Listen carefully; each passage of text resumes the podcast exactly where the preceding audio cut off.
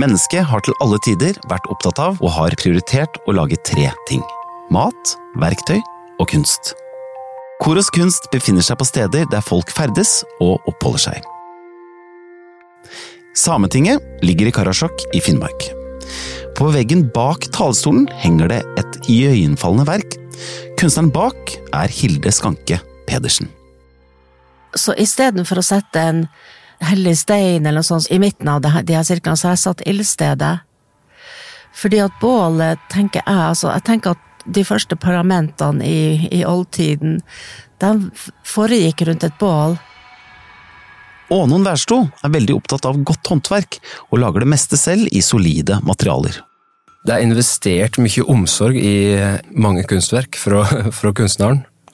Den tror jeg lader gjenstanden med en slik kvalitet som du kan oppleve som betrakter.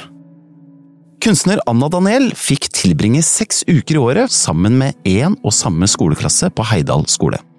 Jeg ville at eh, disse elevene skal forstå at kunsten kan knyttes til det stedet hvor de bor, og at det stedet de bor har en verdi gjennom det. Aurora Passero er en del av en gruppe som har fått en god del av æren for å gjenopplive norsk tekstilkunst. Tekstil var ikke helt regnet med, og det fikk jeg hele tiden høre. Men da ble det desto mer interessant å jobbe med tekstil. Man kunne ta en plass, da. Langt ute i isødet på Svalbard ligger verdens største frøhvelv. Bygningen voktes av et lysende kunstverk signert Dyveke Sande.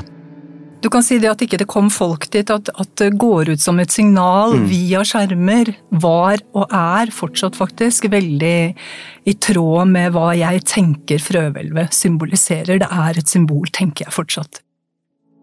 Kunstneren Ahmed Omar bruker sin religiøse bakgrunn i kunsten sin. Det inspirerte meg til å lage denne reisen fra det å se på min families tradisjon som uh, urein, til at jeg hyller det gjennom denne utstillingen. Jeg heter Kåre Magnus Berg, og dette er Verksted.